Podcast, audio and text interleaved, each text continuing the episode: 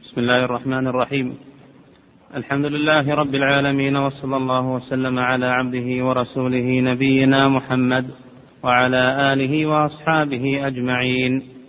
قال رحمه الله تعالى واعلم أن الخروج عن الطريق على وجهين أما أحدهما فرجل قد زل عن الطريق وهو لا يريد إلا الخير فلا يقتدى بزلله فإنه هالك.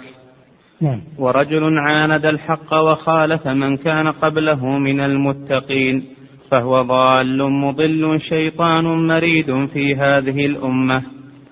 حقيق على من عرفه أن يحذر الناس منه. بسم الله الرحمن الرحيم. الحمد لله رب العالمين وصلى الله وسلم على نبينا محمد وعلى آله وأصحابه أجمعين. لما وصف الشيخ رحمه الله الكلام السابق طريق الصحيح الذي يجب أن يسير عليه المسلم في عقيدته ودينه ذكر أن من يخرج عن هذا الطريق فهو أحد رجلين. والرجل الأول غير متعمد يريد يريد الخير لكنه سلك غير طريق الخير لأنه خرج عن طريق الخير. والاجتهاد لا يكفي. كون نية إذا كانت نيته صالحة ومقصده حسن فهذا لا يكفي. لا بد أن يكون مع ذلك على على الطريق الصحيح. فهذا يعتبر مخطئا. ومن وافقه على ذلك وسار معه على الخطأ فهو هالك. لأن هذا طريق هلاك. ما خرج عن طريق الحق فهو هلاك. حتى ولو لم يتعمد صاحبه لو لم يتعمد صاحبه الخروج إنما يلتمس الخير. وهذا هو حال الكثير من الذين يبتكرون يبتكرون في علم العقيدة ابتكارات من عند أنفسهم. فهذا أمر لا يجوز ولا يتابعون عليه. وصاحبه ليس على صواب ليس على صواب. والله جل وعلا يقول وأن هذا صراطي مستقيما فاتبعوه. ولا تتبعوا السبل فتفرق بكم عن سبيله. فأي سبيل يخرجنا عن الصراط المستقيم فنحن نرفضه ولو كان صاحبه يقصد الخير ويقصد النية الطيبة. نحن لا نتابعه على ذلك. وهو إن استمر فسيؤول إلى الهلاك لأن من سلك المضيعة من ترك الطريق الصحيح في سفره وأخذ طريق مضيعة هلك. كذلك هذا يهلك. إن لم يرجع يهلك. فكيف نتابع رجلا يسير في طريق هلاك؟ ونقول هذا قصده حسن ونيته طيبة هذا لا لا يكفي هذا. فليتنبه لهذا. أما الرجل الثاني فهو المتعمد للخروج يعرف الحق ويعرف إن ما ما خرج إليه إنه باطل لكن يتعمد هذا الشيء بقصد إضلال الناس. الأول قصده إصلاح الناس لكنه سلك غير الطريق الصحيح لكن هذا قصده إضلال الناس. صرفهم عن الطريق الصحيح. فهذا شيطان. هذا شيطان لأن الشياطين يخرجون الناس عن عن الصراط المستقيم. شياطين الإنس والجن. ثم لأقعدن لهم صراطك المستقيم. يقول إبليس لربه عز وجل لأقعدن لهم صراطك المستقيم. يريد أن يصرفهم عنه إلى طرق المنحرفة. والنبي صلى الله عليه وسلم ضرب لهذا مثلا حينما خط خطا مستقيما وخط حوله خطوطا أخرى فقال للخط المستقيم هذا صراط الله. وقال للطرق هذه سبل. هذه سبل على سبيل على كل سبيل منها شيطان يدعو الناس إليها. هذا واضح مثال واضح. وهو يطابق ما ذكره الشيخ هنا. فإن الذي يخرج بالناس عن الصراط المستقيم إلى السبل المحدثة المبتدعة لا يريد لهم الخير وإنما يريد لهم الهلاك وهو شيطان سواء كان من شياطين الجن أو من شياطين الإنس. علينا أن نحذر من هذا أشد من الحذر من الأول. لأن هذا متعمد لإضلال الناس. نعم.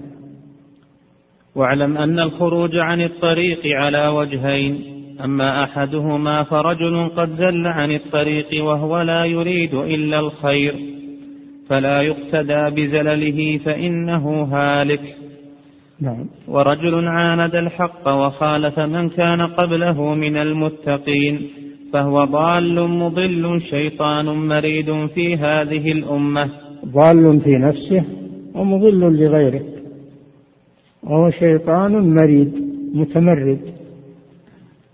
يريد صرف الناس عن الصراط المستقيم. نعم. حقيق على من عرفه أن يحذر الناس منه ويبين لهم قصته لئلا يقع في بدعته أحد فيهلك. وهذا لا يجوز السكوت عنه بل يجب أن يكشف أمره ويفضح خزيه حتى يحذره الناس. ولا يقال الناس أحرار حرية الرأي حرية الكلمة كما يدندن يدندن به الآن احترام الرأي الآخر. المسألة ليست مسألة آراء. المسألة مسألة اتباع. نحن قد رسم الله لنا طريقا واضحا وقال لنا سيروا عليه إن هذا صراطي مستقيما فاتبعوه. اتبعوه فأي واحد يأتينا ويريد منا أن نخرج عن هذا الصراط فإننا أولا نرفض وثانيا ما يكفي أننا نرفض. بل لا بد أن نبين ونحذر منه.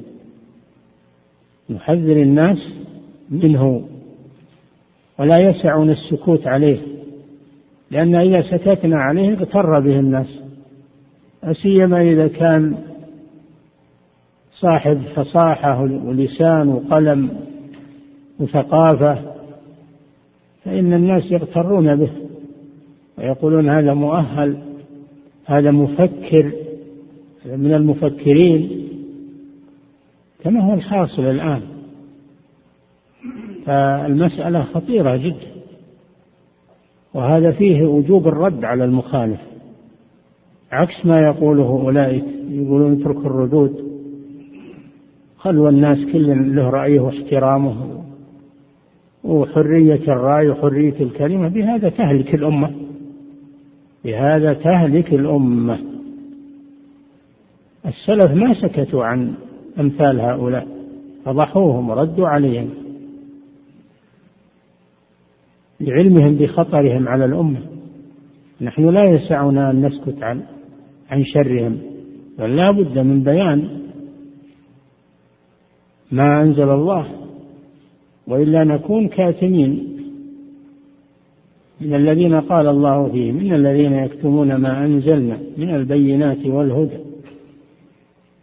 من بعد ما بيناه للناس في الكتاب أولئك يلعنهم الله ويلعنهم اللاعنون.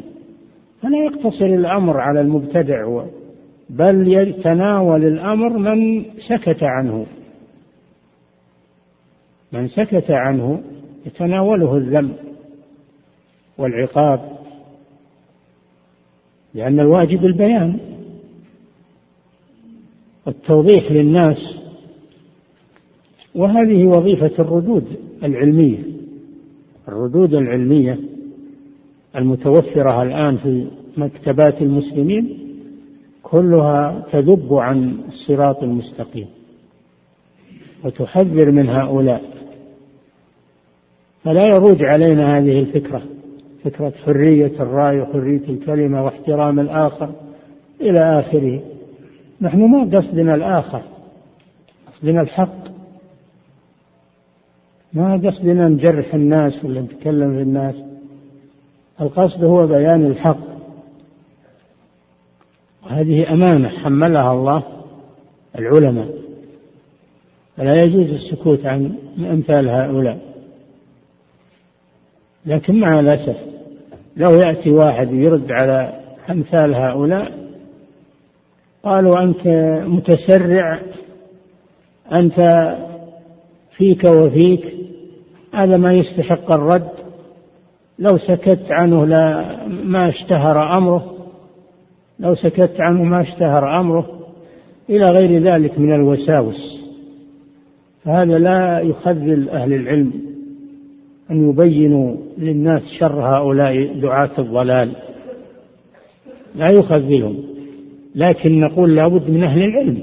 ما هو كل واحد يرد أو كل واحد لا لازم ما يتولى الرد إلا أهل العلم والبصيرة. الذين يعرفون الخطأ من الصواب يعرفون الحق من الباطل ويعرفون كيف يردون وما هي الحجج والإجابة عن الشبهات. هو كل واحد يرد ربما يرد جاهل أو نصف متعلم فيزيد الأمر شرا. فيجب أن لا يتولى هذا الأمر إلا العلماء. بل الراسخون في العلم. نعم. واعلم رحمك الله أنه نعم. واعلم رحمك الله أنه لا يتم إسلام عبد حتى يكون متبعا مصدقا مسلما. نعم. لا يعلم رحمك الله. أنه لا. يتم إسلام عبد. اقرأ. واعلم رحمك الله أنه لا يتم إسلام عبد حتى يكون متبعا مصدقا مسلما. نعم هذا تتم للكلام السابق. لا يتم إسلام عبد حتى يكون متبعا مصدقا مسلما. متبعا لا مبتدعا. مصدقا لا شاكا أو مترددا. مسلما أو مسلما يعني مسلما للأمر لأن هذه الأمور محل تسليم ما هي محل جدال وإنما هي محل تسليم. نسلم لله ولرسوله صلى الله عليه وسلم. ولا نجادل في هذا الأمر. أو ندلي برأينا كما يقولون ندلي برأينا مع كلام الله وكلام رسوله لا نسلم لذلك. سواء فهمنا أو, أو لم نفهم نسلم. نعم. فمن زعم أنه قد بقي شيء من أمر الإسلام لم يكفه أصحاب لم يكفنا أصحاب رسول الله صلى الله عليه وسلم فقد كذبهم. نعم من زعم أن الصحابة قصروا في بيان الحق وتوضيحه وحمله للناس آه، عن الرسول صلى الله عليه وسلم زعم أن الصحابة قصروا في هذا الأمر ويزعم أنه أنه له مجال أنه يتكلم أو يضيف شيء فهذا يريد الشر بالناس لأن الصحابة رضي الله عنهم ما تركوا مما سمعوا من الرسول صلى الله عليه وسلم أو رأوه ما تركوا شيئا إلا بلغوه للأمة بأمانة وبينوه للأمة. ولذلك تفسير الصحابة يقدم على تفسير غيرهم لأنهم تلاميذ الرسول صلى الله عليه وسلم وسمعوا منه عليه الصلاة والسلام سمعوا منه القرآن وسمعوا منه الأحاديث. وسمعوا منه بيان القرآن ورأوا عمله صلى الله عليه وسلم فنقلوا ذلك بأمانة فهم لم يتركوا شيئا. ومن زعم أن أن أنهم قصروا وتركوا شيئا لم يبلغوه فإنه كذاب مفتري ضال مضل. يشكك الناس في دين الله وفي حملته.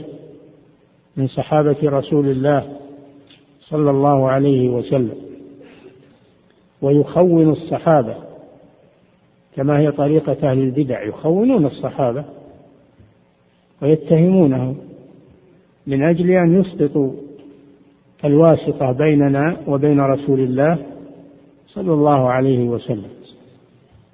فيجب الحذر من هؤلاء. وأن نعلم قدر الصحابة ومكانتهم رضي الله عنهم. من أين جاءنا هذا القرآن وهذه الأحاديث وهذا الفقه؟ إلا من من حملهم وتحملهم عن الرسول صلى الله عليه وسلم.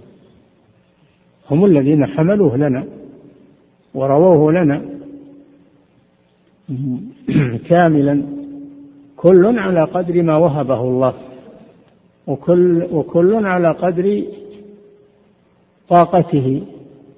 ما تركوا شيئا من دين الله إلا بلغوه كما تحملوه عن رسول الله صلى الله عليه وسلم وهم موضع الثقة لأن الله اختارهم لصحبة نبيه والحمل عنه والرواية عنه اختارهم الله لذلك. فيأتي من يتهمهم بالتقصير أو يتهمهم بالنقص هذا ضال مضل. يريد أن يقطع صلة الأمة بصحابة رسول الله صلى الله عليه وسلم وبالتالي يقطع صلتهم برسول الله صلى الله عليه وسلم. نحن ما حضرنا مجالس الرسول صلى الله عليه وسلم ولا سمعناه وبيننا وبينه قرون من الذي بلغنا عن الرسول صلى الله عليه وسلم؟ إلا الصحابة رضي الله عنهم. صحابته الأكرمون فمقام الصحابة في الدين مقام عظيم. ولا يتهمون أنهم أخفوا شيء أو كتموا شيئا ولم يبينوه. كما تقوله الرافضة قبحهم الله إنهم كتموا الدين وكتموا أمر الخلافة وظلموا. هذا من افترائهم. نعم. فمن زعم أنه قد بقي شيء من أمر الإسلام لم يكفناه أصحاب رسول الله صلى الله عليه وسلم فقد كذبهم. وكفى بهذا فرقة وطعنا عليهم. قد كذبهم وخونهم. وكفى بهذا فرقة عن جماعة المسلمين. وتخوينا لصحابة رسول الله الذين ائتمنهم الله على حمل هذا الدين عن النبي صلى الله عليه وسلم. نعم.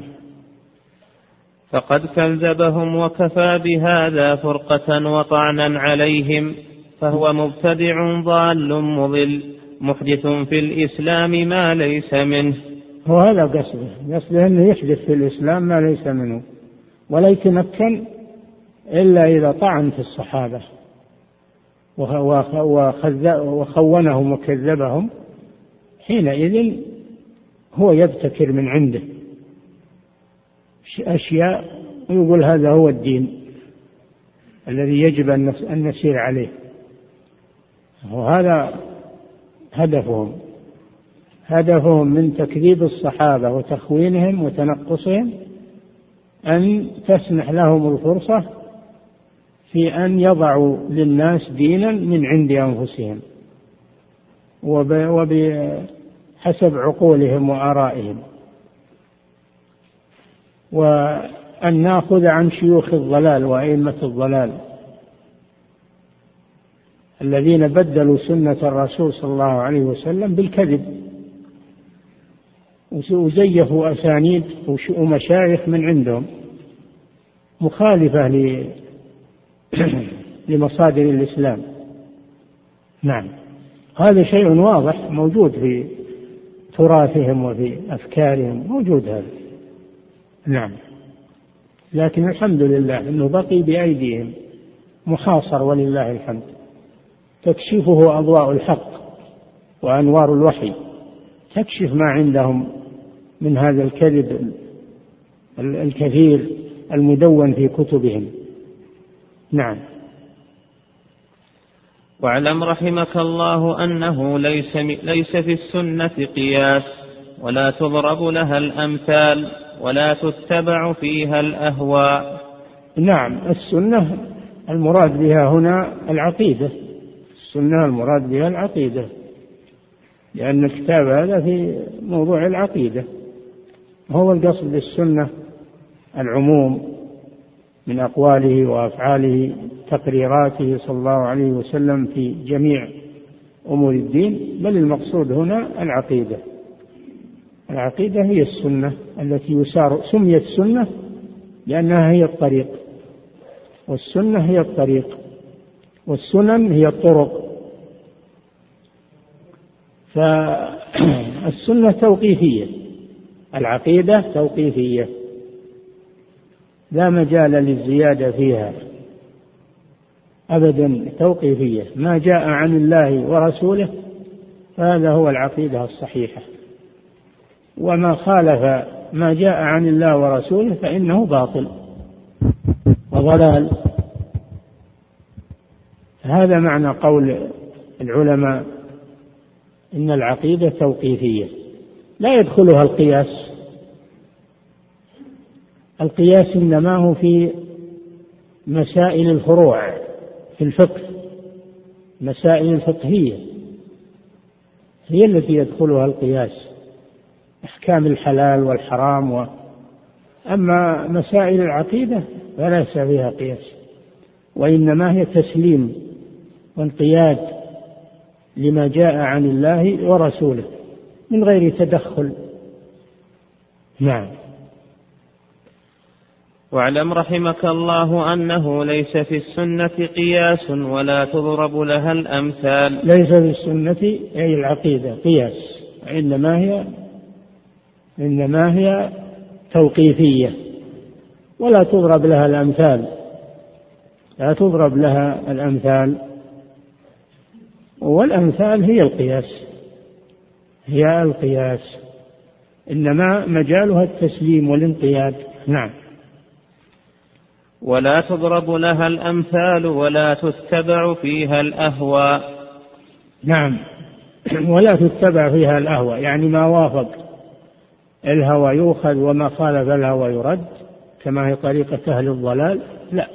ولذلك سموا أهل الأهوى. قال تعالى فإن لم يستجيبوا لك فاعلم أنما يتبعون أهواءهم ومن أضل ممن اتبع هواه بغير هدى من الله. فمن لم يسلم للعقيدة الثابتة في الكتاب والسنة فهو إنما يتبع هواه. ولذلك يسمى أهل البدع أهل الأهواء لأنهم اتبعوا أهواءهم كما في الآية. ومن أضل ممن اتبع هواه بغير هدى من الله. نعم. بل هو التصديق بآثار رسول الله صلى الله عليه وسلم بلا كيف ولا شرح ولا يقال لما ولا كيف. التسليم لأقوال رسول الله صلى الله عليه وسلم في أسماء الله وصفاته وأمور العقيدة. بلا شرح يعني شرح يخالف يخالف معناها الصحيح. أما شرحها بمعنى بيان معناها الصحيح فلا, فلا هذا طيب. لكن هذا لأهل العلم. الشرح الذي يخالف يخالف مدلول النصوص. هذا كشرح الجهمية والمعتزلة والأشاعرة. المراد باليد القدرة والمراد بالوجه الذات والمراد بالاستواء الاستيلاء. هذا شرح باطل. ليس هذا هو هو معنى هذه النصوص. فقوله بلا شرح يعني شرح باطل. أما الشرح الذي يوضح المعنى الصحيح هذا أمر طيب. نعم. فالكلام والخصومة والجدال والمراء محدث. نعم. فالكلام والخصومة والجدال والمراء محدث. نعم. كل هذه في أمور العقيدة كلها أمور محدثة. الكلام والجدال والخصومات التي حصلت بين الفرق كلها أمور محدثة. والذي سببها هو اتباع الأهواء. أما من اتبع ما جاء ومن كان هواه تابعا لما جاء به الرسول صلى الله عليه وسلم فإنه لا لا يكون عنده شك ولا مرى ولا جدال ولا خصومة. مسلم منقاد. فإما يأتينكم مني هدى من تبع هداي فلا خوف عليهم ولا هم يحزنون. فمن اتبع هداي فلا يضل ولا يشقى. اتباع المسألة مسألة اتباع. وانقياد تسليم لأمر الله ورسوله. من غير جدال ومخاصمات. ما وقع أهل الضلال بالخصومات والجدال إلا بسبب هذا بسبب أنهم لم يسلموا لله ولرسوله كما سلم أهل السنة والجماعة. ولذلك تجدون أهل السنة والجماعة ولله الحمد متفقين. ليس بينهم اختلاف في أمر العقيدة. إنما الخلاف عند الفرق الضالة. فإن تولوا فإنما هم في شقاق. فسيكفيكهم الله وهو السميع العليم. ومصداق هذا في الآية الأخرى. ولا تتبعوا السبل فتفرق بكم عن سبيله. ذلكم وصاكم به. لعلكم تتقون. نعم. فالكلام والخصومة والجدال والجدال والمراء محدث يقدح الشك في القلب وإن أصاب صاحبه الحق والسنة. نعم. لا لأنه أصاب من غير الطريق الصحيح. قد يصيب لكنه من غير الطريق الصحيح. الطريق الصحيح هو التسليم وعدم الخوض والجدال. والمراء الذي يشحن القلوب ويبعث على الأحقاد ويبعث على أيضا أشد من ذلك وهو التكفير. الفرق يكفر بعضها بعضا ويضلل بعضها بعضا. كل حزب بما لديهم فرحون. كل واحد يعتبر ما عليه هو الصحيح. أما أهل السنة والجماعة الذين سلموا الأمر وانقادوا لم يحصل بينهم خلاف لله الحمد. ولا يكفر بعضهم بعضا ولا يضلل بعضهم بعضا بل يثني بعضهم على بعض ويقتدي بعضهم ببعض لأنهم على طريق صحيح. إنما يحصل الإحن والأحقاد والتكفير والتضليل بسبب مخالفة الحق. والأخذ بالآراء والأفكار. لا شك أن كل واحد يبي ينتصر لرأيه ولا يقبل أنك تقول أنت مخطئ. معنى هذا أنك تتهم عقله بالنقص ما يضرب هذا. لكن إذا قلت لصاحب الحق أنت أخطأت الدليل أخطأت السنة فإنه يقبل عند قصده الحق ما قصده الانتصار لرأيه. فإذا قلت يا فلان أنت أخطأت السنة أخطأت الدليل فإنه يقبل ويتراجع. أما إذا قلت لصاحب الهوى أنت أخطأت فإنه يغضب يشتد وهذه علامة أهل الأهواء. إن كل واحد يريد أن ينتصر لهواه. أما صاحب الحق فهو يريد أن ينتصر للحق. وهو يبحث عن الحق. والحق ضالة المؤمن أينما وجدها أخذها. نعم. واعلم رحمك الله أن الكلام في الرب تعالى محدث وهو بدعة وضلالة. الكلام في الرب سبحانه وتعالى بأسمائه وصفاته هذا أمر محدث. أحدثه أهل الضلال الذين لا يسلمون للنصوص وليس عندهم خشية لله عز وجل فهم يتكلمون في ذات الرب ويتكلمون في أسمائه وصفاته ويجحدون وينفون ما أثبته الله لنفسه أو أثبته له رسوله ويأتون من عندهم. بآراء يقولون هذه هي الصواب. يتكلمون في تفسير النصوص بغير تفسيرها. أو أنهم يقولون ما نفهمها ولا له معاني نفوضها إلى الله. ويصير كلام الله وكلام رسوله منزلة كلام الأعجمي الذي لا يفهمه العرب. لا هذا ليس هو الحق. هذا ليس هو الحق. الواجب على أهل الإيمان أن أن أن يستمروا مع الطريق الصحيح وعلى طريق أسلافهم وأن لا يلتفتوا إلى هؤلاء المضللين الذين يجادلون في الله بغير سلطان أتاهم. يجادلون في القرآن يجادلون في السنة. شأنهم الجدال. فهؤلاء يجب الحذر منهم. هؤلاء ليسوا متبعين وإنما هم مبتدعون يتبعون أهواءهم. نعم.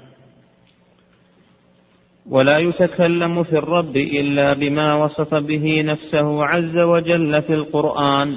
وما نعم. بين. نعم لما نهى عن الجدال وفي الله عز وجل والخصومات في أسماء الله وصفاته بين الواجب. الواجب أننا نقرأ القرآن والسنة ونقرهما كما جاء ومعناه المعنى مأخوذ مأخوذ من اللغة التي نزل بها القرآن والسنة.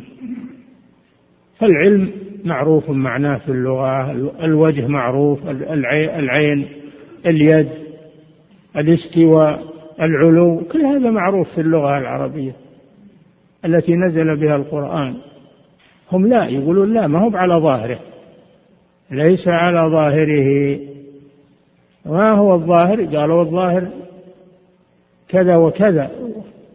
انقسموا إلى قسمين. قسم قالوا ان توقف ونقول ظاهرها غير مراد وهم المفوضة. وقسم وهم الأكثر المؤولة الذين أولوها بغير معناها الصحيح. فضلوا وأضلوا وشغلوا الناس. شغلوا الناس وشحنوا الكتب. بهذه المناظرات والمجادلات والمخاصمات في غير طائل. نعم. الواجب التسليم لما في القرآن والسنة من أسماء الله وصفاته لأن الله أعلم بنفسه سبحانه وتعالى وأعلم بغيره وأعلم الخلق بالله هو رسول الله صلى الله عليه وسلم.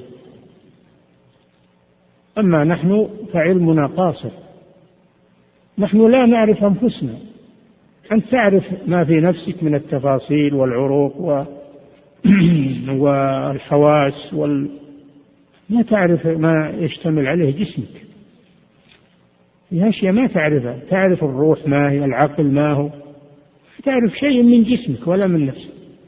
فكيف تتكلم في ذات الله سبحانه وتعالى؟ الذي لا يعلمه إلا هو سبحانه ولا يحيطون به يعلم ما بين أيديهم وما خلفهم ولا يحيطون به علما. هذا خارج عن معلوماتهم وعن تصوراتهم ولا يقاس بخلقه سبحانه وتعالى. لا يقاس الله بخلقه هذا من تنقص الله عز وجل. فهو أعلم بنفسه وبغيره وأصدق قيلا وأحسن حديثا من خلقه. كما يقول شيخ الإسلام ابن تيمية رحمه الله في الواسطية. نعم. ولا يتكلم في الرب إلا بما وصف به نفسه عز وجل في القرآن وما بين رسول الله صلى الله عليه وسلم لأصحابه رضي الله عنهم. نعم. مدار الأسماء والصفات على الكتاب والسنة. وتفسيرها أيضا في الكتاب والسنة ولغة العرب التي نزل بها الشرع. ولا نروح لمنطق أرسطو أو أفلاطون أو فلان أو علان. هذا من التجني على شريعة الله سبحانه وتعالى ومن استبدال الوحي بالمنطق وعلم الكلام. وماذا جنى على هؤلاء من الضلال والخيبة والخسران؟ ولا وصلوا إلى نتيجة. هم بإقرارهم ما وصلوا إلى نتيجة. أفنوا أعمارهم بالجدال والخصومات وأقروا في نهاية الأمر أنهم ما وصلوا إلى نتيجة. ولو أنهم سلموا لله ولرسوله لاستراحوا. ولهذا يقول قائلهم إقدام آه، نهاية إقدام العقول عقال. وأغلب سعي العالمين ضلال. وأجسامنا في وحشة وأرواحنا في وحشة من جسومنا. إلى أن قال ولم نستفد من بحثنا طول عمرنا إلا أن جمعنا قيل وقالوا. إلا أن جمعنا قيل وقالوا. ولا حصل نتيجة. صاروا في شك وفي ريب. أما الذين سلموا لله ولرسوله استراحوا من هذا. ولهذا يقول قائلهم أيضا يقول لعمري لقد, لقد طفت المعالم كلها وسيرت طرفي بين تلك المعالم فلم أرى إلا آه، حائرا فلم أرى فلم أرى إلا واضعا كف إلا واضعا كف حائر على ذقن أو قارعا سن نادم. أو قارعا سن نادم. وطاف المعاهد كلها معاهد الكلام والمنطق والجدال و وسير طرفه بينها فلم يجد فيها ما يشفي العليل و وقال ارجع إلى الوحي. أقرأ في الإثبات قوله تعالى الرحمن على العرش استوى. وفي النفي ليس كمثله شيء. واستراح نعم. فهو جل ثناؤه واحد ليس كمثله شيء وهو السميع البصير. هو سبحانه واحد لا يشاركه أحد لا في ذاته ولا في أسمائه وصفاته ولا في خلقه. واحد جل وعلا ليس له شريك. فلماذا تتعب نفسك؟ وهذا الواحد لا يعلمه إلا هو سبحانه وتعالى. أنت أنت مخلوق وهو خالق. كيف المخلوق يحيط بالخالق جل وعلا؟ فأنت مجالك أنك تسلم لله ولرسوله. ولا تجادل ولا تماري ولا تتعب نفسك وتتعب الآخرين. هذا هو الواجب والفرض. ولذلك الصحابة لم يتكلفوا هذا التكلف ولا توقفوا عند آية أو عند حديث بل يقرؤونها ويسلمون لها ويعتقدون ما فيها ولا حصل عندهم مشاكل أبدا. ما حصل عندهم مشاكل. فالمجال هو مجال التسليم. مجال التسليم والانقياد. ولا نخوض في العقائد. بما خاض به أهل الجدل وأهل الكلام وأهل المنطق فتكون النتيجة كما أقروا على أنفسهم من الحيرة والاضطراب وعدم الوصول إلى نتيجة. ولم نستفد من بحثنا طول عمرنا سوى أن جمعنا فيه قيل وقالوا. قال فلان وقال فلان. وإن قال كذا فالجواب كذا. والنتيجة ما فيه نتيجة. نعم. ربنا أول بلا متى نعم. وآخر. ربنا أول بلا متى وآخر بلا منتهى. الله جل وعلا أول بلا بداية وآخر بلا نهاية. كما قال تعالى هو الأول والآخر والظاهر والباطن. أسمى متقابلة. الأول يقابله الآخر الظاهر يقابله الباطن. النبي صلى الله عليه وسلم فسر هذه الآية بقوله أنت الأول فليس قبلك شيء وأنت الآخر فليس بعدك شيء وأنت الظاهر فليس فوقك شيء وأنت الباطن فليس دونك شيء.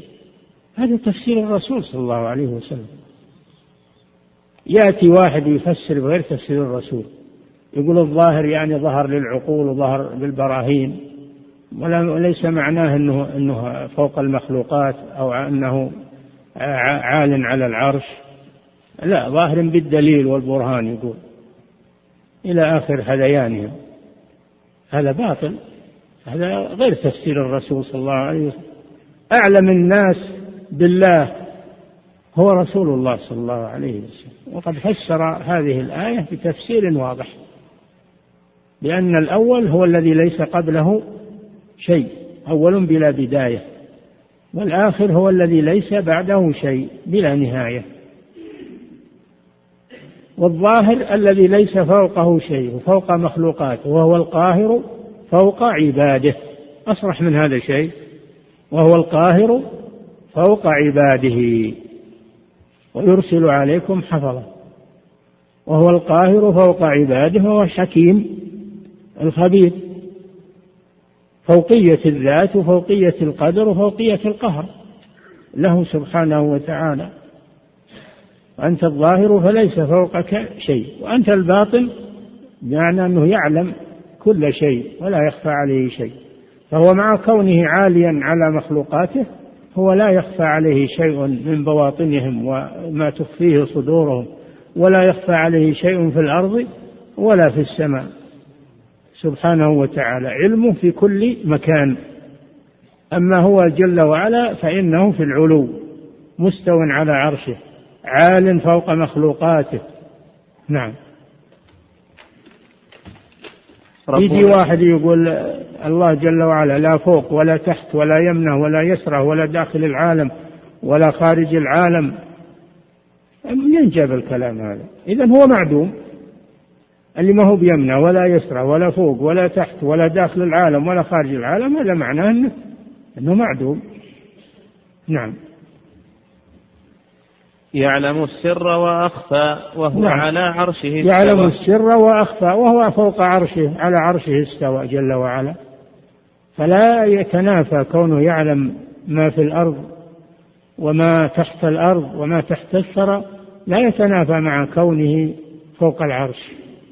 لأن الله جل وعلا يحيط بكل شيء ولا يحيط به شيء سبحانه وتعالى. والخلق كله بالنسبة إليه حقير كلا شيء. وهو العظيم الكبير المتعال الجليل سبحانه وتعالى. فلا نقيسه بأنفسنا.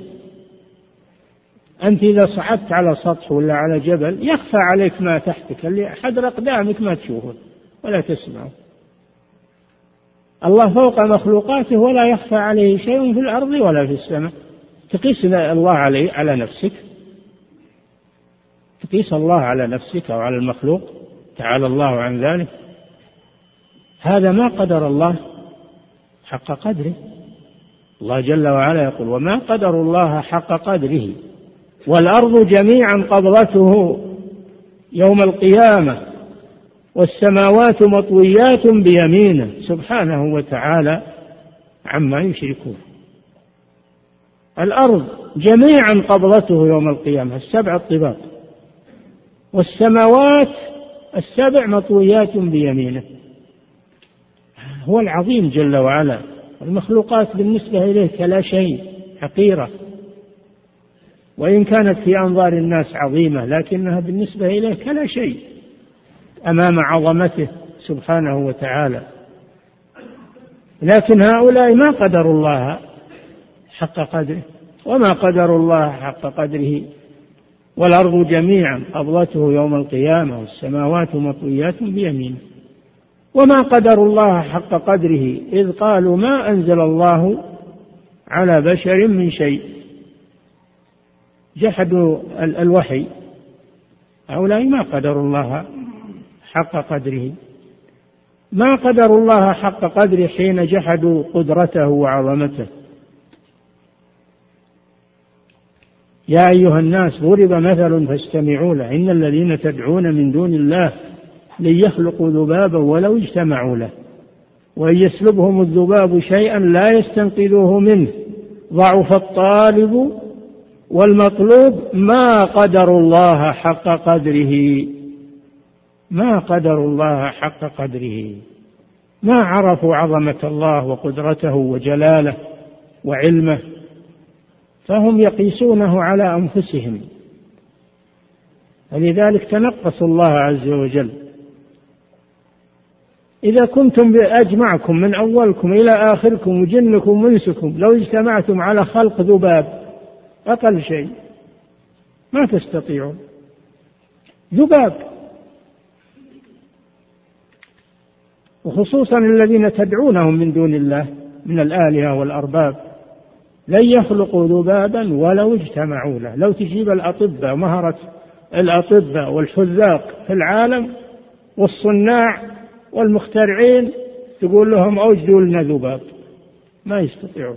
مع أنهم يستطيعون أنهم يبنون البواخر الهائلة ويبنون الطائرات والطائرات الكبيرة. التي تحمل المطارات يقدرون على هذه الأشياء الجمادات. أما خلق ذباب وإيداع الروح فيه ونفخ الروح فيه حركة حياة ما يستطيعون هذا. يمكن يجي يصور صورة الذباب يصور صورة الإنسان أو السبع أو الأسد أو لكن تقول له خلوه يمشي خلوه يتكلم خلوه ما يستطيع. إنما يخطط فقط تخطيط. لكن نفخ الروح هذا من أمر الله جل وعلا. من أمر الله جل وعلا. فكيف يقاس الخالق جل وعلا بالمخلوق ما قدر الله حق قدره. ها إن الله قوي عزيز. قوي عزيز سبحانه وتعالى. لا تبلغه العقول والأوهام ولا تتخيله الأفكار سبحانه وتعالى. نعم. يعلم السر وأخفى وهو على عرشه استوى وعلمه نعم لا يتنافى هذا مع هذا. أنه يعلم السر وأخفى وهو على عرشه استوى. لا فلا يقال أنه إذا استوى على العرش يصير بعيد عن الناس ولا يسمع ولا يرى مثل المخلوق. لا الله جل وعلا الأشياء عنده سواء ما يخفى عليه شيء سبحانه وتعالى القريب والبعيد. والأول وأول الخلق وآخر الخلق والدنيا والآخرة كل شيء هو في علم الله سبحانه وتعالى لا يخفى عليه. نعم. ولذلك يسير هذا الكون الهائل يسيره سبحانه بقدرته وإرادته وصنعته. هل هو الكون الهائل هذا؟ أحد يستطيع يسير شيء منه؟ لا إلا الله سبحانه وتعالى. إن الله يمسك السماوات والأرض أن تزولا ولئن زالتا إن أمسكهما من أحد من بعده. إنه كان حليما غفورا. سير الأفلاك وسير الشمس والقمر وهالحساب الدقيق اللي ما يتخلف ولا يغلط ولا يخطي. هذا من اللي نظمه التنظيم. هو الله جل وعلا. لا يتخلف ولا يخطي ولا يخرب ما يخرب. الشمس ما خربت من من خلقها الله على ما فيها من الضوء والإنارة والحرارة القمر النجوم منظمة سائرة كما هي. إلى أن يشاء الله نهاية هذه الدنيا والانتقال إلى الآخرة. الذي نظمها حكيم عليم سبحانه. فلو تأملت في في هذا الكون أدركت عظمة الله سبحانه وتعالى. الناس لو يشوفون آلة دقيقة وساعة ولا ولا كمبيوتر ولا يتعجبون من هالصناعة وهالصانعة اللي وهي قطعة صغيرة. فكيف بالكون كله اللي ما يتخلف والقطعة دي تخرب وتكسر وتختل لكن هالكون من خلقه الله إلى ما يشاء الله وهو منظم. من الذي يمده ومن الذي يصونه؟ ما هي الآن المكاين والآلات تحتاج إلى صيانة؟ ولا تخرب؟ من هذا الذي يصون هذا الكون كله ولا يتغير ولا يتخلف ولا يقصر فيه شيء؟ هو الله جل وعلا. طيب هالمخلوقات المبثوثة الكبير والصغير ومن الذي ينظمها ويجي يرزقها يجلب لها الأرزاق؟ كل ياكل من عنده وكل عايش مخلوقات هائلة. من الذي أوجد لها الرزق؟ كل كل بحسب حاله. هو الله جل وعلا. أنت لو تعزم أهل الرياض مثلا لو تعزم أهل الرياض ماذا يصير بك من الهم والغم وال وجمع الحشود وجمع وهم وهم قطعة من العالم بسيطة. وهي مرة واحدة تبي تغديهم ولا تعشيهم. وربما أنك ما تنستر ربما أنك تفشل. وأنت يمكن غني وثري لكن آه، فوق طاقتك هؤلاء فوق طاقتك فكيف بالذي يعيش العالم كله؟ ويقيته كله سبحانه وتعالى. ولا أحد يأخذ رزق أحد. كل له رزقه الكبير والصغير. وكل يأوي إلى ما إلى قراره وإلى سكنه وجحوره وعشه وإلى آخره. واللي في البحر أكثر من اللي في البر. حيوانات البحر وعالم البحر أكثر. وكلها عايشة وكلها يأتيها رزقها. من الذي يرزقها ومن الذي هو الله جل وعلا. فكيف هذا يتصور سبحانه وتعالى؟ كيف يدخل تحت التصور؟ لا يعلمه إلا هو سبحانه. وأعلم الخلق به رسوله صلى الله عليه وسلم. فالواجب أن نسلم لما جاء عن الله لأنه أعلم بنفسه. ونسلم لما جاء عن رسول الله لأن الرسول أعلم الخلق بربه سبحانه وتعالى. ولا نعترض ولا نتدخل. بعقولنا وأفكارنا. نعم. يعلم السر وأخفى وهو على عرشه استوى. ولا منافاة. يعلم السر وأخفى وهو على عرشه استوى فوق المخلوقات. نعم. وعلمه بكل مكان لا نعم. يخلو من علمه مكان. علمه بكل مكان. إن الله لا يخفى عليه شيء في الأرض ولا في السماء. ويعلم ما في السماوات وما في الأرض وما تسقط من ورقة إلا يعلمها ولا حبة في ظلمات الأرض ولا رطب ولا يابس إلا في كتاب مبين. وهو الذي يتوفاكم بالليل يعني بالنوم ويعلم ما جرحتم أي ما كسبتم بالنهار. ثم يبعثكم فيه في اليقظة.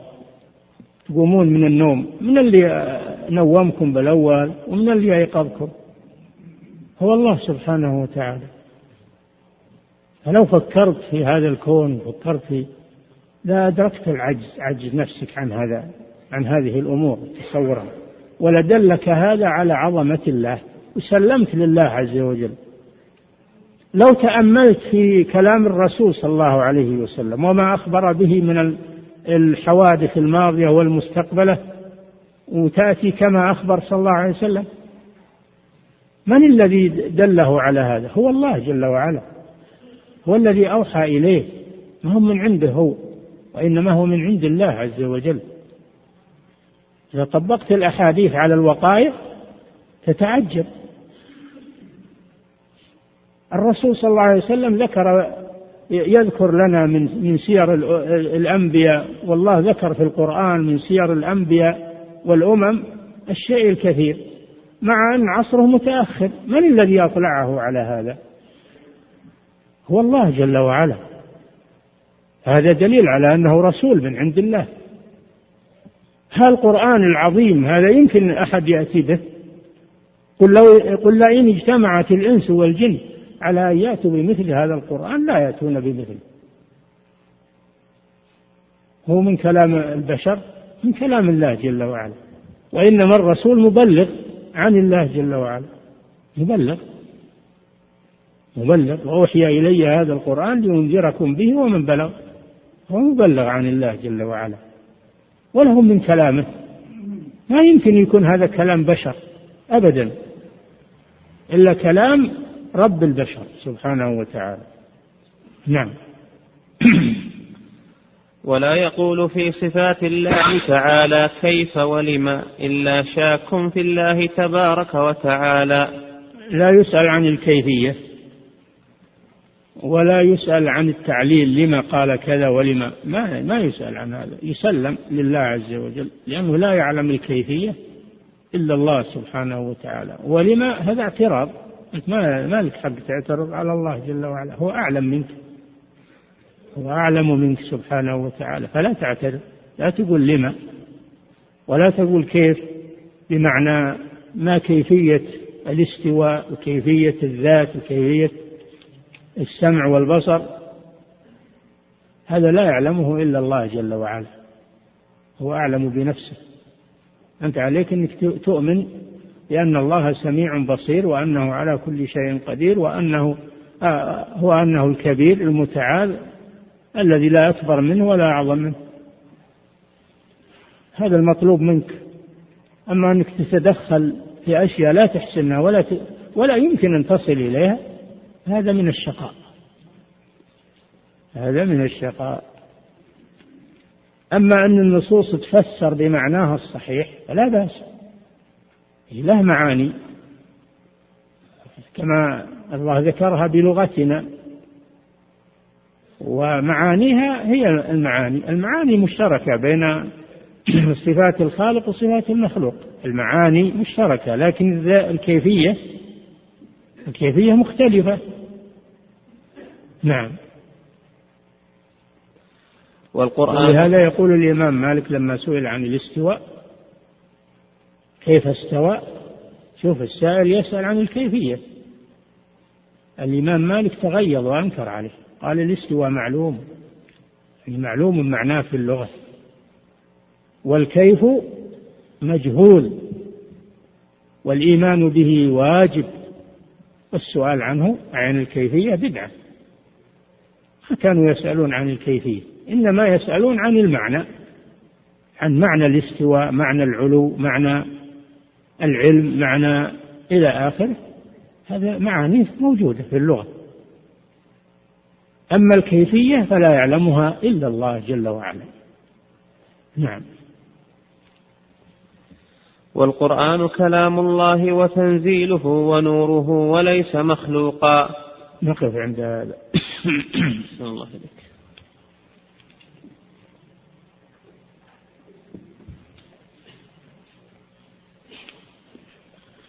أحسن الله إليكم صاحب الفضيلة. أسئلة كثيرة أعرض على فضيلتكم ما تيسر منها.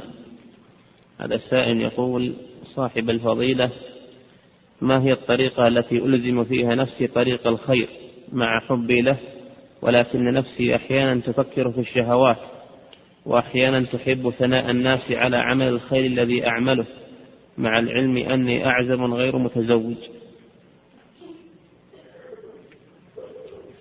السؤال هذا يدل على خير إن شاء الله يدل على أنه ما يكمل نفسه وأنه بحاجة إلى الهداية وبحاجة إلى فلا شك أن السبيل إلى هذا هو تدبر القرآن تدبر سنة الرسول صلى الله عليه وسلم طالعت كلام أهل العلم.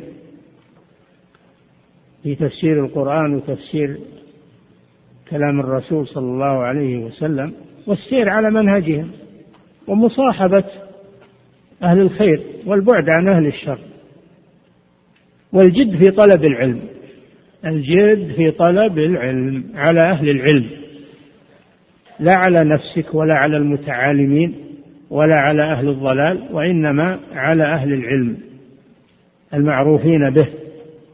حتى تتحمله عنهم كما تحملوه عن من قبلهم. هذا هو الطريق الصحيح إن شاء الله. مع العمل لأن العمل, العمل يزكي العلم وينميه ويثبته. نعم. أحسن الله إليكم صاحب الفضيلة. وهذا سائل يقول بعض الناس يعمل المعاصي ويرتكب المحرمات وإذا بين له غلطه قال نيتي صالحة.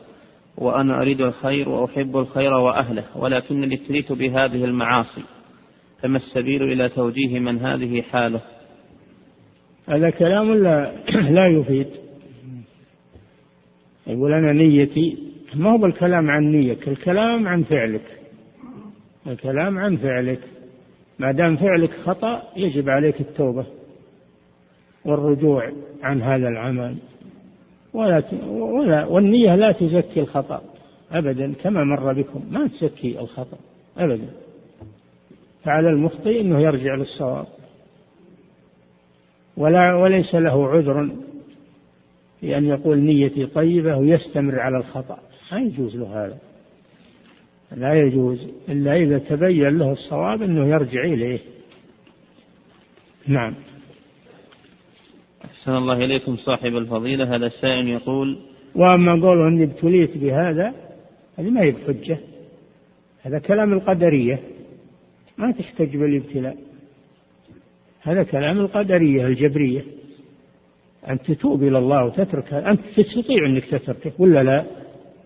تستطيع أنك تتركه؟ خلاص اترك. ولا تقول أنا مبتلى. أنت مبتلى لكن تستطيع أنك تترك هالبلوى اتركها. أما قولك إني مبتلى وهذا من باب الجدال. الجدال الباطل. هذا كلام الجبرية تقريبا. أنت ابتليت نعم. لكن عالج البلوى بالترك. أنت تقدر على الترك والابتعاد عنه. الحمد لله. نعم. أحسن الله إليكم صاحب الفضيلة. وهذا السائل يقول ما نصيحتكم لنا فيما فعل حول ما نصيحتكم لنا في فعله حول الذين سبوا النبي صلى الله عليه وسلم وسخروا واستهزأوا منه وماذا يجب علينا فعله؟ الجواب عن هذا السؤال تكرر وهو أن الذين سبوا الرسول صلى الله عليه وسلم وتنقصوه ليس هذا جديد من فعله. من من وقت الرسول صلى الله عليه وسلم. وهم الله جل وعلا يقول وإذا رأوك إن يتخذونك إلا هزوا. أهذا الذي بعث الله رسولا؟ إن كاد ليضلنا عن آلهتنا لولا أن صبرنا عليها. فهم يستهزئون بالرسول ويسخرون من الرسول. منه منذ بعث الله رسول بل لم يقتصر أمرهم على آه، محمد صلى الله عليه وسلم. بل على جميع الأنبياء. تنقصوهم وسخروا منهم وقتلوا من قتلوا منهم. أليس هذا بغريب؟ ما نستغرب أن هذا يحصل منهم هذا سلسلة متواصلة من فعل الكفار. لكن الحمد لله لا يضر الله شيئا ولن ولن يضر الرسول صلى الله عليه وسلم شيئا ولن يوهنوا من عزم المسلمين. بل ان ما ظهر من الإنكار دليل على أن المسلمين ولله الحمد بخير. دليل على أن المسلمين بخير. وهذه ربما يكون هذا فيه مصلحة والحمد لله. عسى أن تكرهوا شيئا وهو خير لكم. المسلمون الآن التفوا حول الرسول صلى الله عليه وسلم ودافعوا عنه وسيكون هذا إن شاء الله سبب للتمسك بسنته وترك البدع والمحدثات. هذا سبيل خير الحمد لله. عسى أن تكرهوا شيئا وهو خير لكم. أما هم فلم يضروا الرسول صلى الله عليه وسلم. إن الذين كفروا وصدوا عن سبيل الله وشاقوا الرسول من بعد ما تبين لهم الهدى لن يضروا الله شيئا وسيحبط أعمالهم. إذا الضرر عليهم. الضرر عليهم والحمد لله. نعم. أحسن الله إليكم صاحب الفضيلة. هذا السائل يقول ما معنى قول المؤلف ها هنا عن النوع الأول الخارج عن الطريق بأنه هالك مع قوله فيه أنه يريد أنه لا يريد إلا الخير. إيه هو يريد الخير لكن طريقه طريق هلاك. أنت لو أنك تمشي مع جادة واضحة تبي بلد معين وطلعت عن الخط أو عن الطريق مع جادة ما تدري وين تروح. أنت نيك تبي السرعة وتبي نيك طيبة تبي السرعة وتبي لكن اللي تسير بطريق هلاك. ربما يفضي بك إلى مسبعة إلى سباع إلى لصوص إلى أرض ليس فيها ماء مفاوز تموت. فأنت ما ينفعك أنك يصدم خير. هلك هلك بالمفاوز. نعم. أحسن الله إليكم صاحب الفضيلة وهذا السائل يقول لماذا سمي الضال الذي يضل الناس شيطانا مريدا؟ نعم. لماذا سمي الضال الذي يضل الناس؟ شيطانا مريدا. لأنه من جند الشيطان. لأن الشياطين يكونون من الجن ويكونون من الإنس. والشيطان هو العاتي. الشيطان هو العاتي. من شطن من شطن المكان إذا بعد. سمي شيطانا لبعده. لبعده عن الحق. من شطن إذا بعد. أو من شاط إذا زاد وغلا شاط الشيء إذا زاد وغلا فهو إما من شطن وإما من شاط. والمعنيان سيئان. سواء كان من الجن أو الإنس. والمتمرد المتمرد على أوامر الله وأوامر رسوله صلى الله عليه وسلم. نعم. أحسن الله إليكم صاحب الفضيلة وهذا السائل يقول هل يدعى علماء الضلال مثل ما يدعى عامتهم من الروافض والقبوريين؟ لا شك أن الدعوة واجبة. الدعوة واجبة لعلمائهم ولعوامهم. الدعوة واجبة, الدعوة واجبة. ولو اهتدى علماءهم لاهتدت عامتهم. فلو بدي بعلمائهم يحاول معهم ربما يتوب بعضهم. فيكون سببا لهداية كثير من أتباعهم. فالبداية بعلمائهم لا شك أنها أجدى من البداية بالعوام. نعم. أحسن الله إليكم صاحب الفضيلة. وهذا السائل يقول ما الكتاب المناسب أو الكتب التي ترشدون إليها في الرد على القبوريين الذين شككوا في دعوة شيخ الإسلام الشيخ محمد بن عبد الوهاب؟ الكتب موجودة الردود موجودة الدرر السنية والردود المستقلة على خصوم الدعوة موجودة كلها. مطبوعة. والحمد لله. نعم. أحسن الله إليكم صاحب الفضيلة. وهذا السائل يقول ما يحدث في بعض القنوات الفضائية من مناظرة ومجادلة الروافض هل هذا لائق ومناسب أو فيه تشويش على العوام؟ لا هذا فيه مصلحة. إذا كان أن المجادل من أهل العلم اللي يجادلهم من أهل العلم فهذا فيه مصلحة. علشان يفضح أمرهم أمام الناس. يفضح أمرهم أمام الناس. أما لو تجادلوا وياه مكان خفي الناس ما دروا يبقون على ما هم عليه. لكن إذا فضحوا أمام الناس بشرط أن يكون من العلماء. ما يكون من أهل الحماس والغيرة لكن ما عنده علم. لأن ذاك شيطان ربما يلبس عليه ويجيب شبهات. إذا كان عالم العالم ما تروج عليه الشبهات. أما إذا كان ما عنده تمكن ربما أن صاحب الباطل ينتصر عليه أمام الناس. الموقف لا شك أنه موقف حرج. ويجب أن لا يتقدم لمناقشتهم علنيا إلا أهل العلم الراسخين في العلم. نعم. أحسن الله إليكم صاحب الفضيلة. وهذا السائل يقول ما حكم الصلاة الصلاة خلف صاحب بدعة؟ علما بأن الحجة قد قامت عليه لكنه مصر على بدعته. بدعة تختلف. إن كانت بدعة مكفرة كدعاء غير الله والاستغاثة بغير الله والذبح لغير الله فهذا لا يصلى خلفه لأنه ليس بمسلم.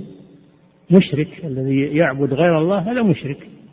وإن كان يقول لا إله إلا الله محمد رسول الله وإن كان يقرأ القرآن وإن كان يحفظ الفقه ويحفظ الصحيحين والسنن ويحفظ ما دام أنه يعبد غير الله فهو مشرك فلا يصلى خلفه ولا يقتدى به.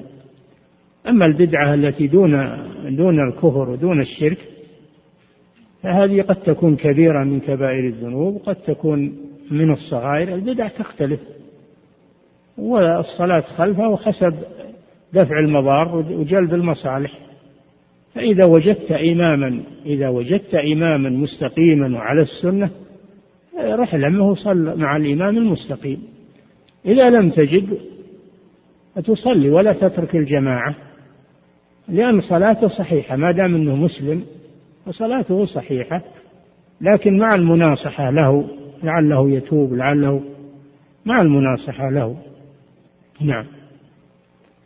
أحسن الله إليكم صاحب الفضيلة. هذا سائل يقول من هم علماء الجرح والتعديل في عصرنا الحاضر؟ والله ما نعرف أحد من علماء الجرح والتعديل في عصرنا الحاضر. علماء الجرح والتعديل في المقابر الآن ولكن كلامهم موجود في الكتب كتب الجرح والتعديل.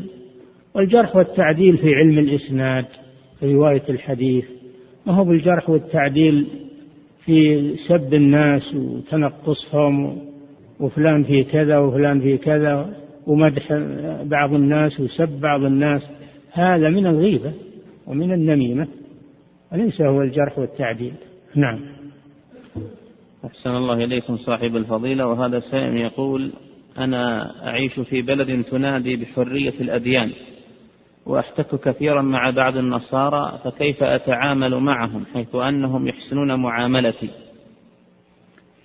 التعامل معهم في في الأمور المباحة البيع والشراء هذا لا بأس به. أما التعامل معهم بمعنى أنك أنك تقرهم على ما هم عليه وتستحسن ما هم عليه وتقول كله دين هذا دين ولا دين؟ هذا لا يجوز أبدا. هذا لا يجوز. هذه مساومة على الحق. نعم. أحسن الله إليكم صاحب الفضيلة وهذا سائل يقول هل القول باستعمال قياس الأولى في العقائد قول صحيح؟ نعم. الله جل وعلا له المثل الأعلى كما قال تعالى وله المثل الأعلى في السماوات والأرض والعزيز الحكيم. وكل كمال ثبت للمخلوق لا يستلزم نقصا فالخالق أولى به كما هي القاعدة. نعم. أحسن الله إليكم صاحب الفضيلة وهذا سائل يقول نريد التوجيه من فضيلتكم مما يحصل من بعض الدعاة الذين قد يقع منهم خطأ أو أغلاط تتعلق في العقيدة ثم يحصل الرد عليهم ويسبب الفوضى حيث يرد يحصل الرد عليهم ويسبب الفوضى. فوضى؟ نعم. أي. وهل يجوز الرد عليهم أم يتولى ذلك طلاب علم مستقيمين معروفين بالعلم؟ كما ذكرنا الواجب لا يتولى الرد إلا أهل العلم الذين يعرفون كيف يردون وكيف يدفعون الشبه ومتى يناسب الرد ومتى لا يناسب هذا راجع لأهل العلم. فالواجب على الإخوان جزاهم الله خيرا واللي عندهم غيره لهذا الدين وحرص على بيان الحق إذا كان ما عندهم مقدرة أن يرفعوا هذا الأمر إلى العلماء ويكون هذا من التعاون. على البر والتقوى. نعم. أحسن الله إليكم صاحب الفضيلة وهذا السائل يقول هل ينبغي على طلاب العلم أن ينشروا رد عالم على شخص ما؟ إذا كان في هذا مصلحة نعم. إذا كان في نشر الرد مصلحة للتحذير من من هذا المذهب أو من هذا القول هذا ما في شك. الحق حب إلينا من فلان. ما نحافظ على فلان كرامة فلان كما يقولون. ونضيع الحق. الحق أغلى علينا. نعم. أحسن الله إليكم صاحب الفضيلة. هذه أسئلة, أسئلة كثيرة تتعلق بحكم المقاطعة. وهل صدر من دار الإفتاء إيجاب المقاطعة على المسلمين؟ ما صدر منها شيء. أقول ما صدر منها شيء. نعم. أحسن الله إليكم صاحب الفضيلة. وهذا سائل يقول توجد بعض الملصقات على المحلات مكتوب عليها لبيك يا رسول الله. فهل تجوز هذه العبارة؟ وهل هي شرك؟ وما الواجب علينا نحوها؟ لبيك هذا لله عز وجل. لبيك اللهم لبيك. لبيك لا شريك لك. أما لبيك يا رسول الله لو أن الرسول ناداك لو أن الرسول ناداك وقال يا فلان تقول لبيك يا رسول الله كما كان الصحابة رضي الله عنهم إذا دعاهم قالوا لبيك يا رسول الله. أما بعد موته فلا تقول لبيك يا رسول الله. تقول لبيك اللهم لبيك. نعم. أحسن الله إليكم صاحب الفضيلة. وهذا السائل يقول ما حكم تقسيط البطاقات مسبوقة الدفع سواء؟ ما أعرفها ما أدري عنها. نعم.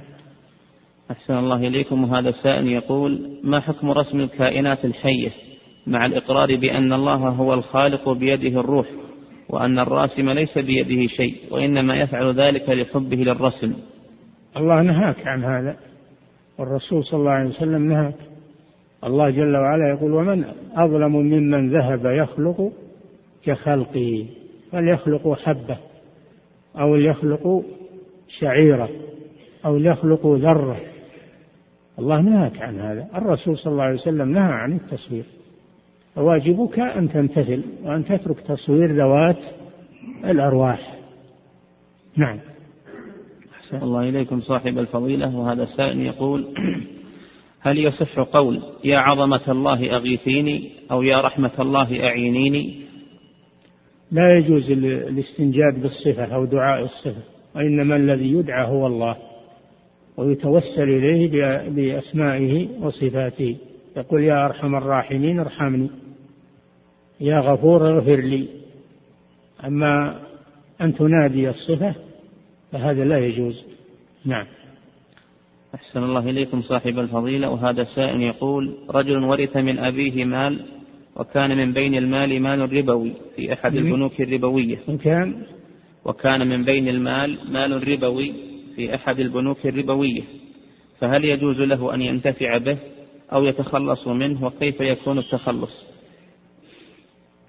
إن كان قبض الربا أبوه أبوه قبض الربا ومات والوارث وجد هذا المال الربوي فيتخلص منه يعني يضعه في مشروع عام. أما إذا كان لم يقبض الربا فإنه يتركه. يا أيها الذين آمنوا اتقوا الله وذروا ما بقي. من الربا إن كنتم مؤمنين. فيترك الربا عند مرابين يشتعل عليهم نارا ولا يأخذه. أما إن كان قبضه أو قبضه مورثه فإنه يتخلص منه بوضعه في مشاريع تنفع العامة ولا يعود لمثل هذا. نعم. أحسن الله إليكم صاحب الفضيلة. وهذا السائل يقول امرأة أسقطت ما يسمى بالحمل الكاذب. فهل ينطبق عليها حكم النفاس؟ ها؟ امرأة أسقطت ما يسمى بالحمل الكاذب. كاذب؟ نعم. النفاس إذا ولدت جنينا جنينا مخططا فيه آه، تخطيط إنسان وتشكيل أعضاء إنسان فإنها تكون نفساء بعده. إذا نزل عليها دم. أما إذا وضعت شيئا لم يظهر فيه تخطيط إنسان فهذا الدم نزيف وليس هو نفاسا فتصلي ولا تترك الصلاة ولا الصيام. نعم. أحسن الله إليكم صاحب الفضيلة وهذا السائل يقول ما حكم الدراسة في الجامعات المختلطة سواء للرجال أو للنساء؟ لا يجوز الدراسة في الجامعات المختلطة لما في ذلك من المنكر ولما في ذلك من الفتنة والدراسة يجد مجالات ليس فيها اختلاط يدرس فيها. نعم. أحسن الله إليكم صاحب الفضيلة وهذا السؤال ولعله الأخير. يقول انتشر عندنا في بلادنا ما هو لعله هو الأخير يعني جذب. نعم. أحسن الله إليكم. نعم. هذا السؤال وهو الأخير. يقول انتشر عندنا في بلادنا من يقول إن تارك أعمال الجوارح مسألة خلافية بين أهل السنة والجماعة. هل هذا القول صحيح؟ كذاب هذا. ما فيه خلاف بين أهل السنة والجماعة. إن الأعمال إنها من الإيمان. إنها من الإيمان. ولا يصح إيمان بدون عمل. كما لا يصح عمل بدون إيمان. فهما متلازمان. متلازمان. هذا قول أهل السنة والجماعة. هذا قول أهل السنة والجماعة. أن الإيمان قول باللسان واعتقاد بالقلب وعمل بالجوارح.